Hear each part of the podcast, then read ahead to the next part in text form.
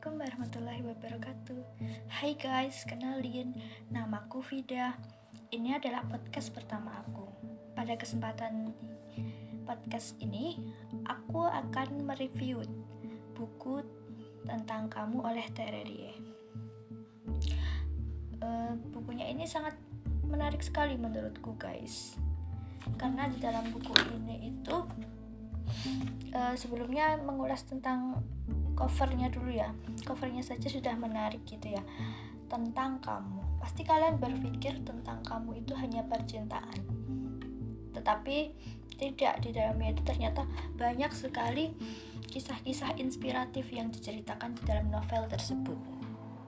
Jadi ini adalah tokoh utamanya adalah Sriningsih sebelumnya Sriningsih ini pernah nih menitipkan sebuah warisan um, ke sebuah pengacara gitu ya mendaftarkan warisannya ke sebuah pengacara di London. Nah uh, Serining sini sudah meninggal tapi ini adalah dikisahkan di sebuah novelnya ini uh, zaman Zulkarnain. Zaman Zulkarnain ini adalah salah satu senior lawyer firma hukum Thomson and Co di London di London Inggris Nah, zaman Zulkarnain ini mendapatkan misi suci untuk menemukan pewaris harta senilai 1 miliar pound sterling atau sekitar 19 triliun rupiah. Nah, klien kliennya itu bernama Sriningsih yang aku ceritakan tadi ya. Sriningsih itu. Nah, kebetulan dia itu berasal dari Indonesia. Dari Indonesia Sriningsih itu tetapi si zaman Zulkarnain ini belum menemukan warisan yang ditinggalkannya. Hanya sepucuk surat keterangan berisi bahwa e, wanita, wanita tua ini adalah pemilik sah satu persen surat saham di perusahaan besar. Juga buku harian milik Sri.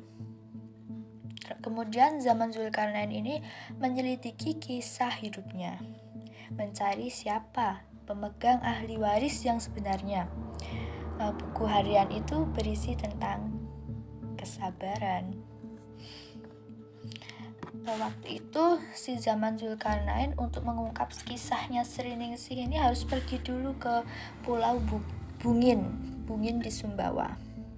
Nah, masa kecil Sriningsih ini begitu menguras mata air, air mata. Nah, dikisahkan bahwa ibunya ini meninggal saat melahirkan Sri ayahnya meninggal saat pergi melaut. Nah, stres berujung melampiaskannya pada Sri. Ibu tirinya ini malah memperlakukan Sri seenaknya. Lagi-lagi Sri ini nih harus diuji, diuji dengan kesabaran. Lima tahun Sri diperlakukan buruk oleh ibu tirinya. Dan di titik terakhir, dia justru membalasnya dengan rela mati si ibu ini tadi. Nah, demi bisa menyelamatkan Sri dan adiknya. Dia mengorbankan dirinya yang terjebak dalam kebakaran yang melahap habis rumahnya. Kemudian ini perjalanan berlanjut ke Surakarta, Surakarta, Jawa Tengah. Setelah kejadian itu, Sri dan adiknya itu pergi ke madrasah milik kerabat gurunya. Nah, tragedi kembali menimpa kehidupan mereka. Keserakahan telah membuat salah satu sahabatnya melupakan persahabatan yang telah mereka jalin selama ini. Pengkhianatan berujung kehilangan orang-orang yang terkasih.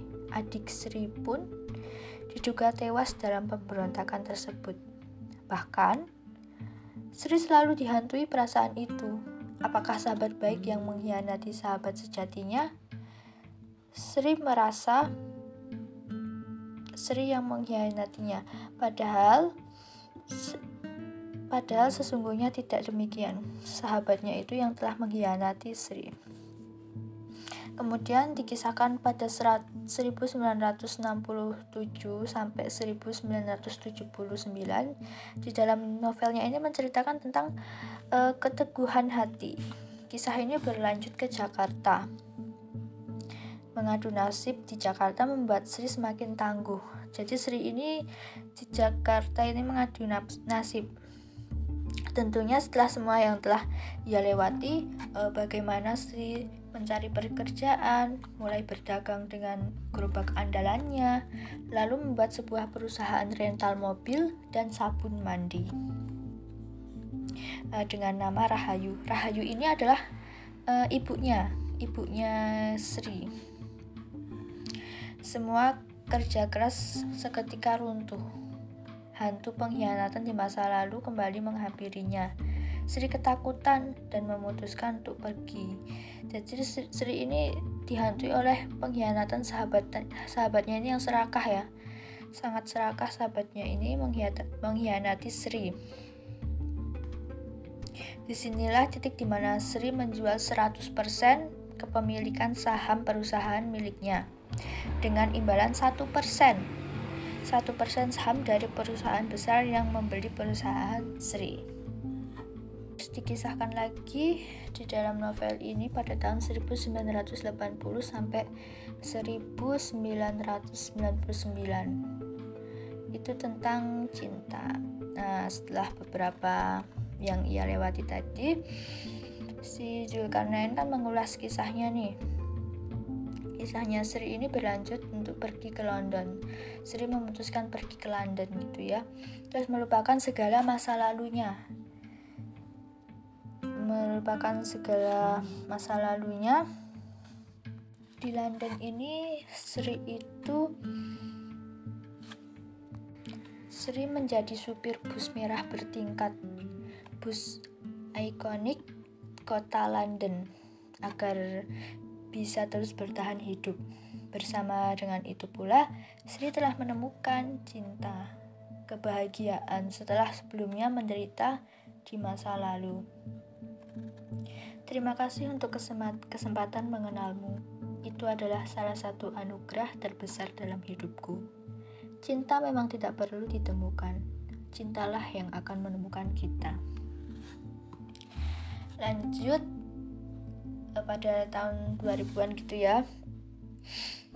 Eh, masalah semakin rumit si zaman Zulkarnain ini tadi belum menemu, bisa menemukan siapa pemilik sah atau warisan Sri Ningsih ini.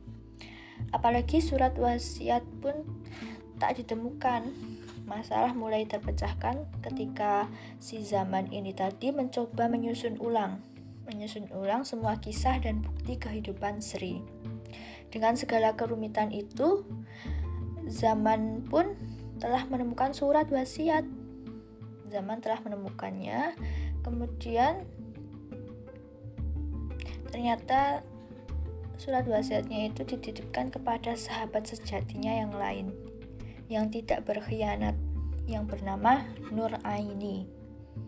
Nah, pengkhianatan pengkhianatan pengkhianatan kedua kalinya dilakukan oleh sahabat sejatinya bernama Lastri.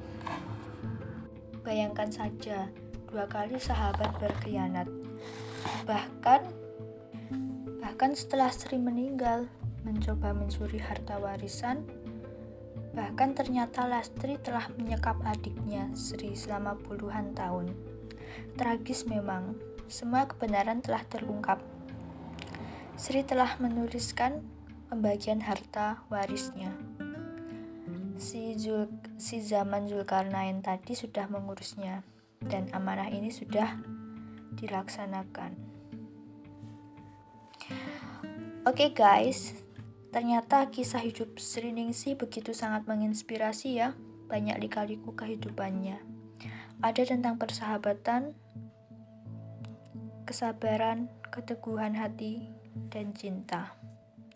Oke teman-teman, itu adalah review buku tentang kamu oleh Terelie versi aku. Sekian dan terima kasih telah mendengarkan podcastku. Wassalamualaikum warahmatullahi wabarakatuh.